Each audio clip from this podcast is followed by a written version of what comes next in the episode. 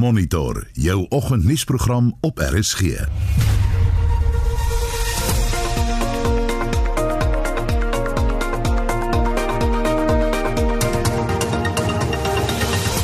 vanoggend se program terwyl president Trump beweer dat die verkiesing van hom gesteel is, wil die nuutverkose president versoen. It's time to put away the harsh rhetoric, lower the temperature, see each other again, listen to each other again. And to make progress, we have to stop treating our opponents as our enemies. They are not our enemies, they are Americans. En ons praat vanaf 10 oor 7 breedvoerig hieroor met die ekonom en politieke ontleeders. Broodnodige hulp aan boere in die Sentraal Karoo. Ons is hartseer eintlik van blydskap. So ja, oh, dit is 'n wonderlike skenking vir ons as boere hier in die omgewing. Ons het voer dringend nodig. Ons het nog baie min reën in ons omgewing gehad. En die bulle sit hulle seëgetog voort net na 08:30 praat ons met Pieter van der Berg oor die naweek se sport. Welkom by Monitor. My naam is Gustaf Greiling. En my naam is Anita Visser.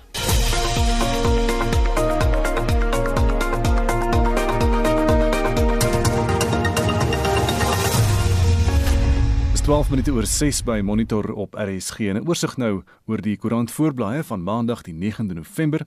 Die burger vanoggend vir alle Amerikaners. Biden wil versoening bring. Trump gaan hof toe. En dan 'n foto ook van 'n baie gelukkige Joe Biden op die voorblad daar. Die vreugde en verslaandheid. 'n Diep verdeelde land nou en Biden sê hy sal president vir alle Amerikaners wees. Dis nou die tyd om te genees, haal hy die prediker aan in die Bybel. Al die besonderhede in die berig oor Biden by die wat by die kieskollege stemme uitgekom het wat aan hom dan die oorwinning besorg het uh, Saterdag aand. Beeld se voorblad vandag Trump wil beklei en Biden wil FSA genees. Kan nog klippe kou voor hy in Withuis is. Biden wil op 20 Januarie dadelik wegspring met uitvoerende aksie om die FSA weer lid te maak van die Wêreldgesondheidsorganisasie en terug te bring in die Parys Klimaatooreenkoms. En dan ook 'n berig op beeld vanoggend vrou wat geskiet is, verloofde en verloofde dagvaar minister vir 4 miljoen rand en dit oor die vrou wat deur die weermag korporaal in die bors geskiet is tydens 'n padwoede voorval. Hulle wil nou hê die minister van verdediging moet hoes. Volksblad se digitale voorblad ook uh, Biden wat op die genesingspad is en dan die berig wat sê Henneman aanval bid soveel as moontlik vra verloofde. Dis nou Eddie Hills wat kritiek beseer is in 'n plaasaanval daar en 'n tans lê in die Milpark Hospitaal in Johannesburg. Sy verloofde Marizaan Du Plessis vra bid asseblief vir sy veiligheid. Internasionaal op bbc.com Joe Biden se oorgangsspan is reeds in plek. Hulle het 'n webwerf bekend gestel en het reeds baie planne oor wat die nuwe Amerikaanse president op dag 1 gaan doen.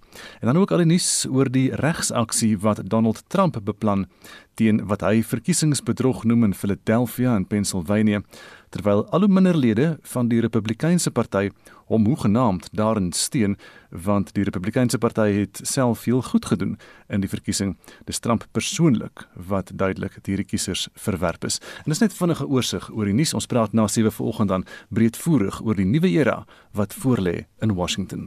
Nou terwyl gelukwensings van dwars oor die wêreld instroom vir Joe Biden skop president Donald Trump vas, hoewel tradisie bepaal dat 'n verslaane president die aftog blaas en sy opponent se oorwinning erken. Trump se regspan het nog 'n hofgeding aanhange gemaak, die slag in Arizona, oor bedorwe stemme wat na bewering tot onreëlmatige uitslae sou gelei het. En sy span sê hulle betwis ook die uitslag van die stemtelling in Pennsylvania en die verkiesingsresultaat oor die algemeen. Vanoggend wil ons by jou weet, watter raad het jy vir Trump en die Republikeine? En indien jy toegang tot 'n blitslyn na Trump toe gehad het, wat sou jy aan die president sê? Stuur 'n SMS na 45889, onthou dit kos R1.50 of gaan na facebook.com vorentoe skynstreep ZARSG of WhatsApp vir ons stemnota na 076 536 6961 076 536 6961 Dis kwart oor 6 en droogtegetuisterde veeboere in die Sentraal Karoo het broodnodige hulp van boere reg oor die land ontvang. Die organisasie Boere Droogtehulp SA het die aflewering van 26 vragmotors se geskenkte voer gefasiliteer aan 70 boere in die Beaufort Wes omgewing. As deel van die projek het Solidariteit Helpende Hand onderneem om die studiegeld van 26 studente uit die plaaslike landbougemeenskap te dek. Tanya Krause doen verslag. Wat 'n gesig om te aanskou. 'n Konvoi van 26 vragmotors vol veevoer wat deur Beaufort Wes ry. Baie boere in die omgewing het hul laaste spaargeld gebruik om hul diere te voer. Een van die boere, Janie Arnoldi, sê hy het al met hul hande in die hare gesit. Hierdie skenking is soos manna uit die hemel uit. Want dit reën, maar die reën mis ons elke keer. Ons is so 'n klompie plase wat elke keer die reën mis. En ons het na, naderhand nie geweet watter kant toe nie. Maar hierdie skenking het ons weer moed gegee. Boer Sali Jakob sê die welkome skenking sal hulle nog 'n paar maande aan die gang hou. Ons is hartseer eintlik van blydskap. So ja, oh, dit is 'n wonderlike skenking vir ons as boere hier in die omgewing. Ons het voer dringend nodig. Ons het nog baie min reën in ons omgewing gehad. So ja, ons is verskriklik verheug vir hierdie groot skenking wat ons kry van boere van reg oor die land wat ook hulle harte oopgemaak het om vandag vir ons kos te gee. Boer Jan Boostander is oorstelp van vreugde. Ek dank net die Here vandag en al die mense wat jy hier sien vandag wat hierdie sakke vol maak en hierdie vragte aflei en die skenkings van waar dit kom na Beaufort Wes toe. Ons het nie woorde om dankie te sê maar ons dank die Here God vir hierdie pragtige geskenk, vir hierdie pragtige gebaar om aan droogte getuisterde areas te dink waarin ons boer. Die stigter van Boere Droogtehulp SA, Chris van Biljon, sê hulle sal aanhou om droogte getuisterde boere te help, maar is positief dat daar binnekort goeie reën sal wees. Dit gaan nog sleg hierso.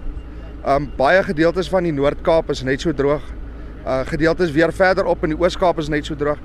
Maar ons het nou gesien die weerpatroon is besig om te verander en ek is oortuig van volgende jaar gaan ons 'n goeie reenseisoen hê. Stefan Pieterse van Solidariteit Helpende Hand sê hulle het onderneem om as deel van die projek studente in die landbougemeenskap by te staan. Hier's baie kinders van behoeftige boere in hierdie area wat eenvoudig nie volgende jaar kan gaan studeer nie en ons het toe hande gevat met ehm um, droogtehulp SA om te kyk of ons vir elke trok wat vandag hier staan ehm um, 'n behoeftige student van 'n boer se kind kan borg en ehm um, wat 'n voorreg om deel van die inisiatief te wees.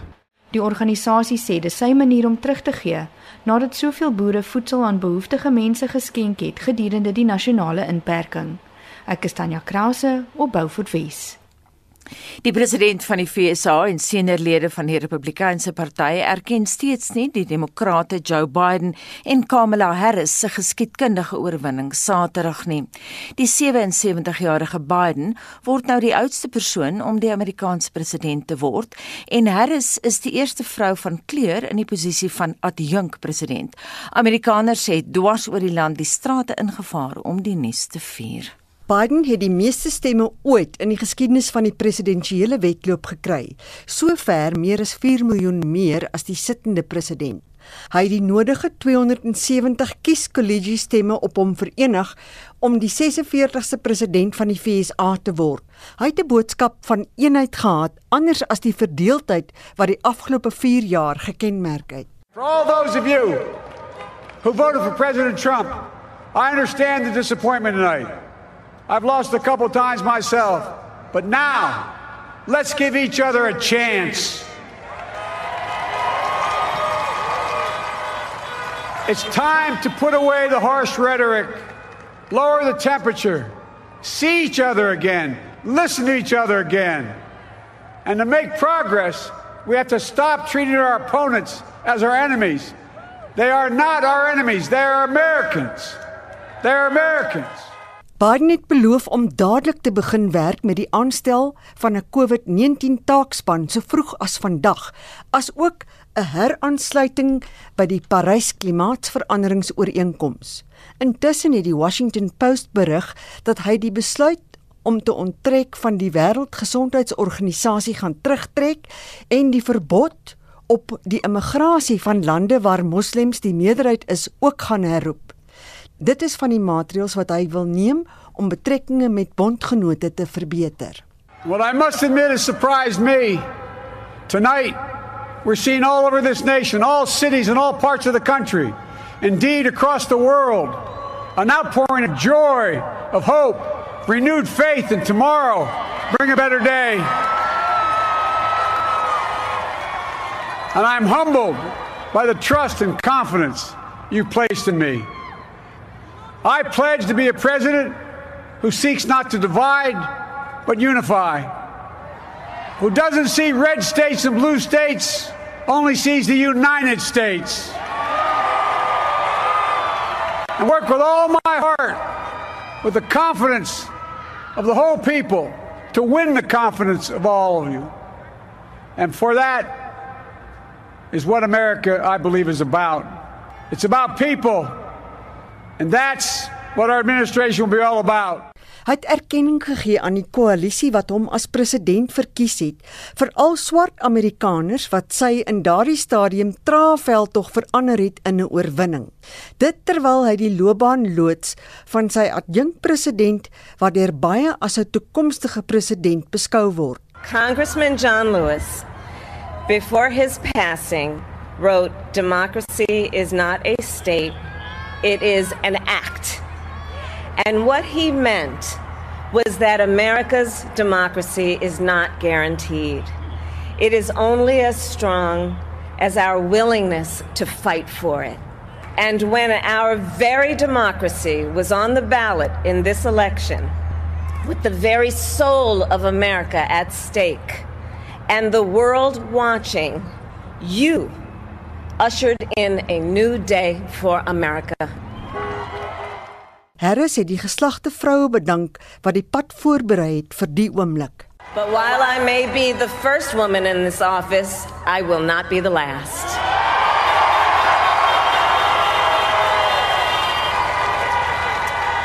Because every little girl watching tonight sees that this is a country of possibilities. Terwyl wêreldleiers vinnig was om die Biden-Harris vennootskap geluk te wens, het 'n briesende Trump geweier om volgens tradisie toe te gee dat hy verloor het. Trump was op die golfbaan toe verskeie nuusorganisasies berig het dat Biden die nuwe president is. Met sy terugkeer na die Withuis het hy op Twitter gekla dat hy die verkiesing ver gewen het en samesweringsteorieë herhaal het terwyl hy dreig om hom tot die howe te wen. Sherwin Bryce Peace het hierdie verslag in Amerika saamgestel. Mitsi van der Merwe SAK-nuus. En bly by ons want om 10 oor 7 praat ons breedvoerig oor die Amerikaanse verkiesing. Dit bring ons by 6:30. Jy luister na Monitor elke weekoggend tussen 6 en 8. Die hoofnuus vanoggend: Koronavirusgevalle wêreldwyd steek die 50 miljoen kerf verby. President Cyril Ramaphosa sien daarna uit om saam met Joe Biden te werk. En Suid-Afrikaanse politieke partye word gevra om nie harde musiek te speel terwyl hulle stemme werf nie. Bly ingeskakel. Dit is Justin met terugvoer. Goeiemôre. Môre Anita, ja, die huidige Amerikaanse president Donald Trump skop vas teen die verkiesingsuitslae, hoewel tradisie bepaal dat 'n verslaane president die aftog blaas en sy opponent se oorwinning erken. Ons wil by jou weet watter raad het jy aan president Trump en die Republikeine indien jy toegang tot 'n blitslyn na Trump gehad het, wat sou jy aan hom sê gegee die situasie waarin hy verkeer? Op Facebook skryf Patrick Oortel, Trump luister na niemand nie. My raad sal wees om sy nederlaag met grasie te aanvaar. Rex Bester skryf indien die howe Trump toelaat om die verkiesingsuitslag teen te staan, is dit sy opsie. Word dit toegestaan en hy verloor, uh, sy saak moet hy Biden se oorwinning aanvaar, hom gelukwens en saamwerk om die belange van die FSA te bevorder. Hansie Hofman sê, "Move on Trump, you don't need the presidency anyway. Go and build your empire the way you want, where no one will resist." En uh, Bets Ferreira sê saam met Rex Wester sy sê dis Trump se reg om die howe te nader. Hy sal egter uiteindelik uiteindelik sy nederlaag hopelik met eer en grasie moet aanvaar en Aita dan sê ek wonder wat is die ware toedrag van sake. Die media smeer ou Trump pikswart en Biden en sy seun se kaperjolle is onder die mat gevee en hoor van niks. Hier by ons is ook stembokse in die veld opgetel en niks is daaraan gedoen nie. Nou jy kan saamgesels, vertel ons watter raad het jy aan president Trump en die Republikeine? Stuur 'n SMS na 45889 teen R1.50 per SMS of uh, gesels saam op Facebook by facebook.com/vorentoeskynstreep_zarsg. Nou ja, kom ons gaan na die sportveld hier, Shaun Jooste. Kom ons kyk wat in die naweek in die sportwêreld gebeur het. In die plaaslike Super Rugby reeks het die Sharks die Cheetahs met 19-13 geklop. Die Stormers het Griek was met 39-6 skaf gedraf en die Lions het 30-25 teen die Bulls verloor. In die drie nasies reeks het Australië vir Nieu-Seeland Saterdag in Brisbane met 24-22 verras.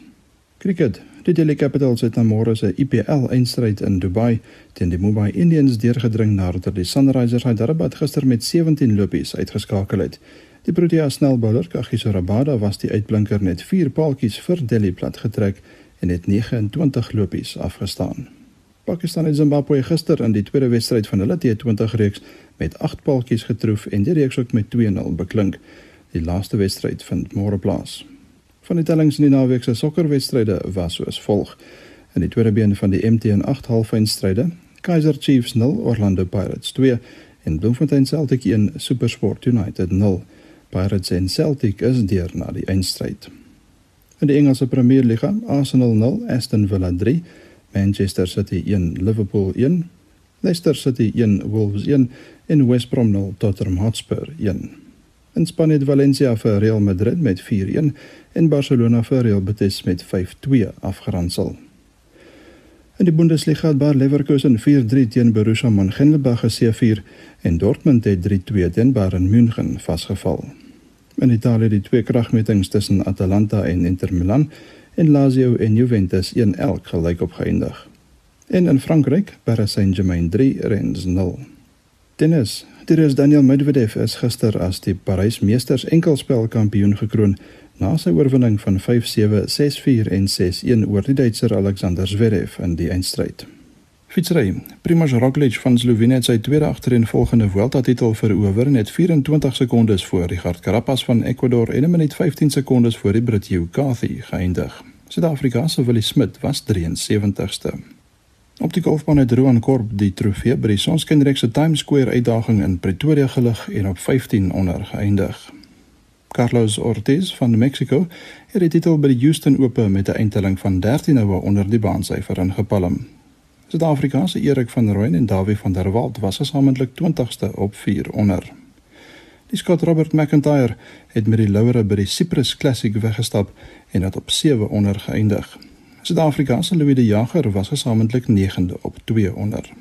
En Minjie Lee van Australië het die vroue Dubai Moonlight Classic gewen nadat sy Celine Boutien van Frankryk in 'n valbeeldstryd geklop het. Laastens in motorsportnuus Die Spanjaard Joan Mir het eers oor die wenstrip in gister se Europese MotoGP wedren in Valencia in Spanje gejaag. Sy landsgenote Alex Rins en Paul Espargaro was tweede en derde, met Suid-Afrika se Brad Binder sewende. Sy broer Darren het vyfde in die Moto3 wedren ook daar in Spanje geëindig. Shaun Schuster, SAK Sport.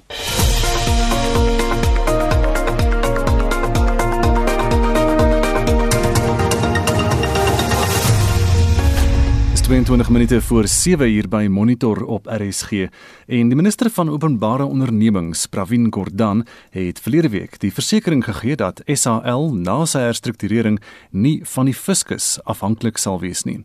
Trouwens dit sal op die Telkom model geskoei word volgens hom. Anita het professor Janie Resou van Wits Universiteit se skool vir ekonomiese en sakewetenskappe gevra of so 'n voorstel sin maak. Wat die minister hier aandui, lyk vir my asof die plan moet wees dat daar gedeelde eienaarskap tussen die regering en privaat sektor entiteite of privaat aandeelhouers moet wees. Dit is natuurlik 'n manier om privatisering of gedeeltelike privatisering weer die agterdeur in te smokkel, want Telkom word deels vir die privaat sektor en deels deur die regering besit en word op die Johannesburgse aandelebeurs genoteer. Interessant genoeg, die Telkom model is suksesvol ons moet enige iets doen wat ISA suksesvol kan maak soos nog 10.5 miljard rand in die lugredery wil belê. is 'n beter idee as om dit onder volledige staatsbeheer te hou, want daar het ons al miljarde rande verloor sonder enige sukses. Maar die heel beste idee is natuurlik om van SA lugdiens ontslae te raak as geen rede om die redery aan te hou. Net vir luisteraars wat nie verstaan hoe die Telkom model presies werk nie, jy het nou vlugtig verwys na die aandelebeurs, maar verduidelik vir ons net presies hoe werk daai model?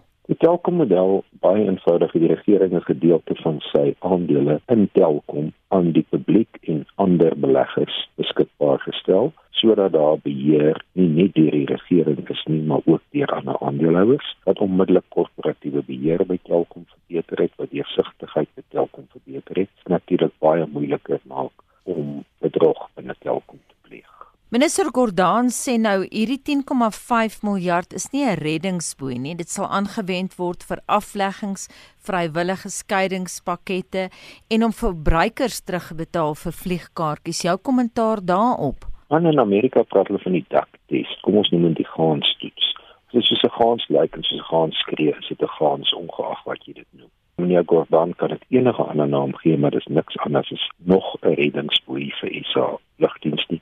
En ons moet uitwys dat dit nie die enigste reddingsboei is kragtens die MTBPS wat SA gaan kry nie. As jy deur die teks van die MTBPS werk, is daar nog 'n ander 6 miljard rand wat SA ook gaan kry. So ons praat eintlik van 17 miljard rand, maar die fokus is op die oomblik op die 10,5 miljard rand. Anita het bespreek belangrik dat ons onthou dat 10,5 miljard rand regtig baie geld is. Die regering praat van 10,5 miljard rand aan Telkom asof dit klein geld is. As ons na die persoonlike inkomste belastingstatistiek kyk, sien ons dat belastingbetalers in Suid-Afrika wat minder as 150 000 rand per jaar verdien, se totale bydrae by wyse van inkomstebelasting tot die staatskas sowat 22,5 miljard rand beloop. 10,5 miljard rand is dus gelykstaande aan die helfte van die belasting, persoonlike inkomstebelasting wat diegene verdien in Suid-Afrika wat minder as 150 000 rand per jaar verdien. Daar is 2 miljoen mense in daardie groep. Beteken dit dan ons gaan op die ou einde meer belasting moet betaal? Hoe meer hulp die lugdiens kry, meer belasting sal Suid-Afrikaanse belastingbetalers moet betaal. Dit is so eenvoudig soos dit. Rolof Botha, ekonomiese raadgewer by die Optimum Beleggingsgroep, stem egter nie saam nie. Hy glo die minister se idee kan werk. Minister Tobin Gordon is iemand wat nie in die reël ietsie sê sonder dat hy behoorlik huiswerk en navorsing daar gedoen het nie via sy departement ook. Wat mens net moet baie mooi verstaan is dat die lugvaartbedryf in Suid-Afrika en internasionaal is onder ongelooflike druk, veral nou met die COVID wat weer vlam gevat het in Europa om nou daaraan te dink om byvoorbeeld instansies soos SAL te privatiseer is net nie 'n goeie plan nie want dit is 'n kopersmark. Daar is net eenvoudig nie 'n vraag na hierdie tipe dienste nie. 'n mens moet 'n bietjie geduldig wees en daar's twee belangrike oorwegings as mens kyk na die toekoms van SAL en dit is dat daar is reeds van die instansies wat vliegtye aan hulle verhuur het. 'n reëling dat hulle sal aansienlike afslag op daardie huurkontrakte beding Daar is ander realistiese kostebesparings en ek het 'n vinnige sommetjie gemaak as hulle realistiese besparings op hulle brandstof deur die stygings van ondoeltreffende belaglike uh, roetes wat hulle gehad het wat daarso nie is 'n 10 of 'n 20% besetting van passasiers is nie as hulle daar bespaar as hulle so 'n klein bietjie van poste ontslaa raak wat nie heeltemal nodig is nie en natuurlik hierdie huurkontrakte wat beding is veral in dodomeniese tydperk ek het deur hulle hele nuutste of mees onlangse inkomste en uitgawes staat gegaan en realistiese besparings daarin gewerk wat in daardie jaar toe Eskom uh, 'n uh, verlies van 5.4 miljard gemaak het in totaal wat hulle uh, baie maklik in 'n marginale winsposisie kon geplaas het. So ek moet saamstem met meneer Gordon, dit is moontlik dat SAL in die toekoms nie enigstens afhanklik kan wees of hoef te wees van 'n nasionale tesourie nie. Wat dink jy van die Telkom model? Die Telkom model kom daarop neer dat die regering die staat besit min of meer 40%, institusionele beleggers besit 50% en dan is daar nou klompie ander nie institusionele beleggers wat natuurlik nou ook individue kan insluit enige persoon kan Telkom aandele koop. En die model het ten spyte van uh, 'n mate van uh, my persoonlike opinie ondoeltreffendhede dit is baie moeilik om met hulle te kommunikeer want die Telkom model is in beginsel glo ek is 'n baie goeie model vir SAL die voorwaarde hierso sal wees dat SAL moet onder geen omstandighede staatssubsidies ontvang nie hulle beste opsie is om 'n aandeelhouer, 'n private sektor aandeelhouer te kry. So die model lyk dit vir my is een van gedeeltelike privatisering en as die staat se aandeel in die nuwe lugredery minder as 50% is, dan glo ek dit kan lewensvatbaar wees. Meneer Gordon se besluit is in wese 'n kabinetsbesluit. Dit is die realiteit. Ons gaan nie daarby verbykom nie.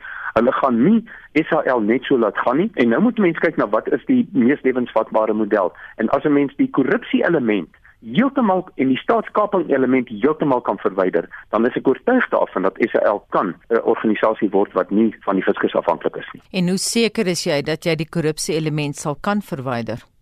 Uh wel uh, dit wil voorkom asof uh, met die sondekommissie en en die NVG en die vakke en president Ramaphosa se verklaarde oorlog teen korrupsie daar word vordering gemaak en met 'n bietjie geluk sal daar reëls en regulasies in plek wees wat verhinder dat mense so doen moet jy nie en van die mense wat sy aangestel het hierdie tipe skade aanrig aan so 'n kernbelangrike organisasie vir ons ekonomie En dit dan Dr. Rolof Botha, ekonomiese raadgewer by die Optimum Beleggingsgroep en Anita het daardie onderhoude gevoer. President Donald Trump weier om Joe Biden se verkiesingssege te aanvaar en dit strook met die trend van die 2020 verkiesing wat deur verskeie ontleeders as geskiedkundig en anders beskryf is. 'n Ervare voormalige Amerikaanse diplomaat in Afrika en deesdae politieke skrywer, Brooks Specter, stem saam en sê die beskrywing van die verkiesing as geskiedkundig en buitengewoon is in die geval glad nie 'n oordrywing nie. Darren Taylor het meer. Spectre sê die verkiesing is 'n bewys dat die Amerikaanse kiesers besig is om van gewoontes te verander in terme van geslag, ras, etnisiteit, ekonomiese omstandighede en vlak van opvoeding. 50 years ago, certainly, if you had told me the salient details of a person, I could have predicted with about 99% degree of accuracy who they would vote for because those voting patterns had been ingrained largely since the time of the Great Depression and Franklin Roosevelt's Grand Democratic Coalition. You could Die voormalige diplomaat sê die buitengewone ondersteuning van Biden in sekere dele van die FSA waar die Republikeine voorheen oorheers het, is grootliks as gevolg van een spesifieke segment van die Amerikaanse bevolking. White middle class college educated suburban dwelling women have now slid away from the Republicans rather decisively over the last three elections and are now seen largely as a democratic preserve. Hy sê baie Suid-Afrikaners met wie hy in aanraking kom, verstaan nie die omstredenheid rondom die stembriewe wat in Amerika gepos is, veral die wat weens die COVID-19 pandemie as afwesige stemme getel is. Tot 'n mate, sê Spectre, verstaan hy die verwarring, maar hy verstaan nie hoekom Republikeine dit toelaat dat Trump so 'n boei daaroor maak nie. Sometimes we've been framing this question as if this is a new idea that suddenly came from the, the brow of Zeus and, unbeknownst to anybody, suddenly infected the American political system. The truth of it is, and I went back and looked very carefully at this, In the War of 1812 against Britain, that was the first time mail in ballots happened. Most American Union soldiers in the Civil War, of which there were hundreds of thousands, voted by absentee ballot because, obviously, they weren't at home. Sedertdien sê hy het die meeste Amerikaanse militêre personeel in afwesigheid gestem en so ook diplomate en Amerikaners wat in die buiteland bly. Spectre sê dis eers nadat Republikeine besef die stembriewe wat gepos is grootliks stemme vir Biden was dat sommige van hulle teen 'n stelsel wat vir eeue al in plek is uitgevaar het.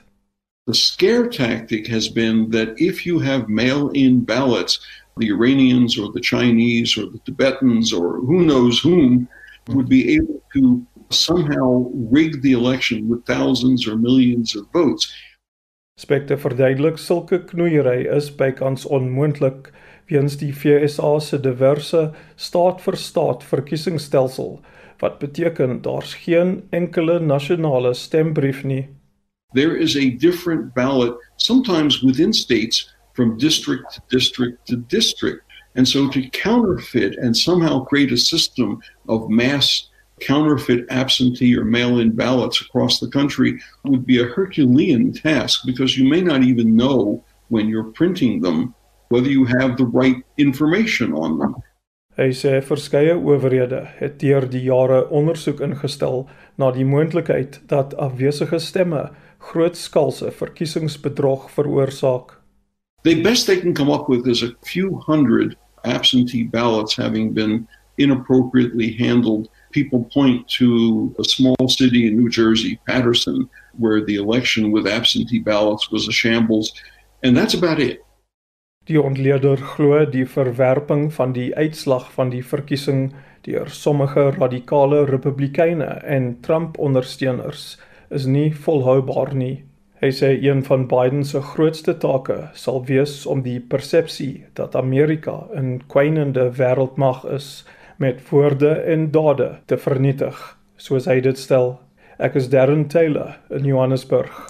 En soos wat ons vroeër genoem het, ons praat om 10 oor 7 breedvoerig oor die verkiesingsuitslag met 'n ekonom en politieke ontleeders. Dis nou 10 voor 7 en professor Erwin Swelle, 'n kundige in korporatiewe bestuur en openbare leierskap en dekaan van die Huguenot College se skool vir innovasie, sê voldoende wetgewing bestaan in Suid-Afrika waar volgens die gepaste optrede deur direkteure en maatskappyvoorsitters se optrede gerig behoort te word.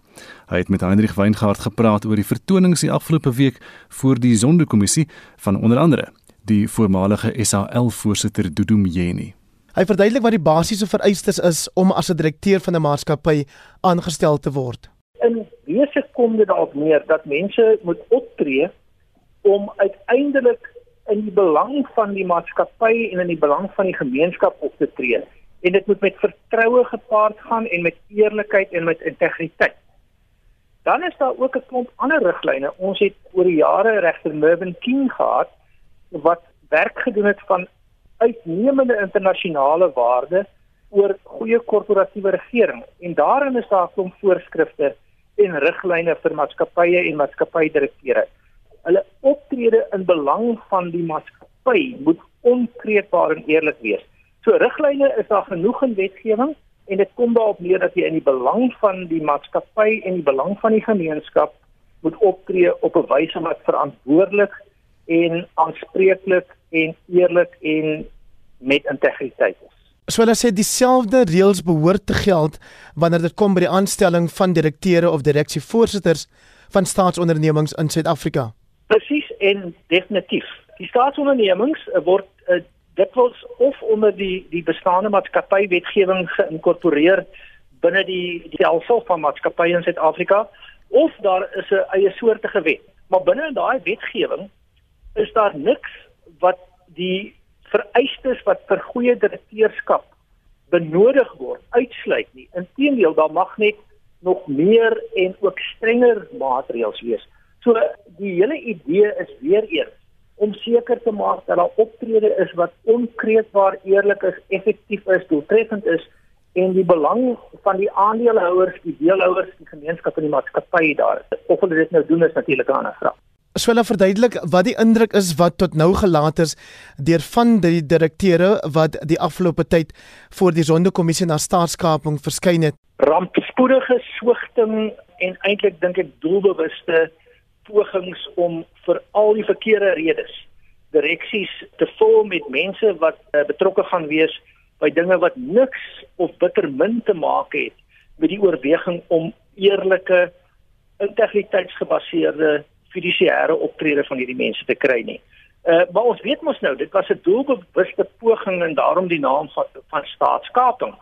En in die geval van staatsondernemings was dit eintlik 'n maklike teken want daar's ook voortdurend die moontlikheid vir 'n vorm van ehm um, perverse politieke inmenging om dan uiteindelik nie net die die maatskappy in te doen nie, maar die staatskas binne jou beheer te kry om die staatskas dan vir jou voordeel te gebruik. Interessant genoeg van hierdie mense het eintlik ook ander professionele hoedanighede. Hulle is uh, uh, uh moontlik ingenieurs of hulle is moontlik uh auditeurs of hulle is moontlik professionele bestuurskundiges. So daar sit ook nog 'n etiese stel reëls wat sê hoe hulle behoort op te tree, maar hulle steur hulle aan niks want die drif en die drang om te bedrieg en jouself te bevoordeel word net groter as alle ander integriteitsoorwegings. Die aanstelling van direksielede vir staatsondernemings word gewoonlik deur die kabinet goedgekeur. Swela sê die Ramaphosa regering kan homself onderskei van die Zuma regering deur dinge anders te doen. Dit sluit in die skep van 'n nuwe ethos. Maak seker dat daar oorsig is oor die aanstellings. Dat dit duidelik is dat daar bepaalde riglyne is wat jy opgestel het, dat mense aan daai riglyne voldoen eerder as aan die riglyne wat jy stel sodat jy hulle kan korrigeer vir jou eie doeleindes. Maak seker dat jy die mense tot verantwoording roep. Maar eerste stap is skep 'n ander ethos. Die ethos, indien jy dit hoegenaamd ethos kan noem, wat tot nou toe bestaan het rondom hierdie goed was was een wat gesê het ons doen dit eintlik doelbewus. Ons weet wat ons doen om hierdie goed te gebruik en te misbruik vir ons eie voordeel. En as jy as jy daai motief het, dan kan jy nie begin aan 'n etiese benadering. Dit is die stem van professor Erwin Schwella, 'n kundige in publieke leierskap. Ek is Hendrik Weingart vir SAK nuus. Die syne gesinne gaan sonder 'n inkomste wees wanneer die bandevervaardiger Bridgestone op 15 November sy aanleg in die baai sluit. Pogings deur die Oos-Kaapse premier Oscar Mabuyane om die sluiting af te weer het ook misluk. Na 84 jaar verhuis die maatskappy nou na Brits in Noordwes.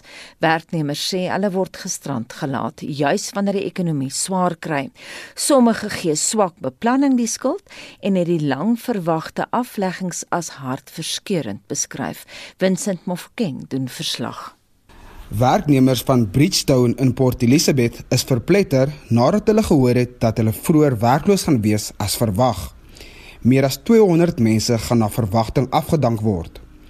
Alle vorige pogings om hierdie sluiting te stop het geen resultate opgelewer nie. Werkers gee swak beplanning en swak bestuur die skuld terwyl sommige sê dat hulle vroeër gewaarsku moes wees. Andile Bloko, die provinsiale voorsitter van NUMSA, het die besluit as ongelukkig en pynlik beskryf. It's a painful decision that we are going to lose over not only about the the 2 300 members but uh, within the value chain there's a lot of families that are going to suffer uh, with the with the plant closure uh, in particular in in the area of Nelson Mandela and Eastern Cape. It's a devastation. Die sluiting kan lei tot 'n toename in tweedehandse bande in die metro. Die uitvoerende hoof van die Suid-Afrikaanse Bandevervaardigingskonferensie, Ndoduzo Chala, het inwoners versoek om nie gebruikte bande te koop nie en gewaarsku dat die verkoop van die bande onwettig is. People are feeling the cringe in terms of the amount of money or disposable income that they, they have available to them. And then they resort to buying or purchasing second-hand tires, which as the SATMC representing the members, we, we are urging the community and uh, broader South Africans to refrain from them because one, they are illegal. Secondly, they are unsafe. And that's why we are pushing ahead with, with our campaigns and all of that to then drive that to say that it, it's, it's, we want safety of our people first on the road. Ten spyte hiervan floreer die gebruikte bandebedryf in die metro. Diegene wat reeds daarin is, sê hulle het al redes. It's because they notice that people in location they need tire shops. There is no tire shops in location. Tire shops are in town. Well, I try to be closer to people for this service. It's because they want the cheaper thing. It's not only these second-hand tires that they are getting, but you must know that they are getting to the, this second-hand to tire shops that are in town. Bridgestone Suider-Afrika sê die besluit om die fabriek te sluit kom nadat alle alternatiewe opsies uitgeput is. Hulle sê dat hulle sal verseker dat al die nodige ondersteuning aan werkers verleen word na mate bedrywighede tot 'n einde kom. Die verslag van Andangonyi in Port Elizabeth. Ek is Vincent Mufokeng vir SAK nuus. Daar is geen verkeer. In Gauteng en Naturina is daar stadige verkeer op die N1 noordwaarts na Eldorado Park vanaf die N12 tot by die Diepkloof wisselaar. In KwaZulu-Natal staan 'n voertuig op die N3 ooswaarts net voor die afrit by Ashburton. Dit is skoongemaak, maar dit gaan nog stadig daar verby. In Claremont is daar 'n buffer teen buffer verkeer in Pretoria op Bremerstraat tussen die R80 en die Daspoort tonnel. Dan is daar op die N4 Oos net voor Bonaccord 'n botsing. Geen bane is gesluit nie, maar wees maar versigtig as jy daarby verby beweeg. In Pretoria die uh, voertuig staan op die N1 suidwaarts na die Brakfontein wisselaar die noodbaan daar is versper. Wees versigtig as jy daar verbygaan en daar was vroeër 'n botsing gewees in KwaZulu-Natal op die N3 ooswaarts by die ramp by Sanctuary weg, uh, by die oprit by Sanctuary weg en dit is nou skoon, maar wees maar versigtig daar. As jy weet van enigiets anders, kan jy vir ons 'n SMS aanstuur 45889. Justin Garniels Lankierie skryf ironies hoe almal kerm oor the rule of law in Suid-Afrika, maar skielik kerm as neef Trump wil gebruik maak van sy wetlike regte. Die huigelary 4W hoogety skryf hy. Hy sê Trump het verloor. Hy weet dit. Ontspan julle en laat die ou sy regte regte uitvoer. Zuma doen dieselfde, ook sy goeie reg, maar hy en ons weet wat die uiteinde is. Hy mag egter nie ontneem word van daai reg nie. My raad, volg die stappe wat jy wil volg en berus daarna deur die uitkoms. Leonie van Pretoria skryf op ons SMS-lyn: Trump moet net van sy troontjie afklim, vat jou pak soos 'n man. En eh, Leon van Belwel sê Trump laat oupa Biden regeer, sy skande sal gou uitkom. Die Republikeine blaas in hul nekke, kry daai grensstate nou reeds reg vir 2024. Jy kan saamgesels op ons SMS lyn by 45889 teen R1.50 per SMS of by Facebook by facebook.com/ZARSG. En dit bring ons by 7uur.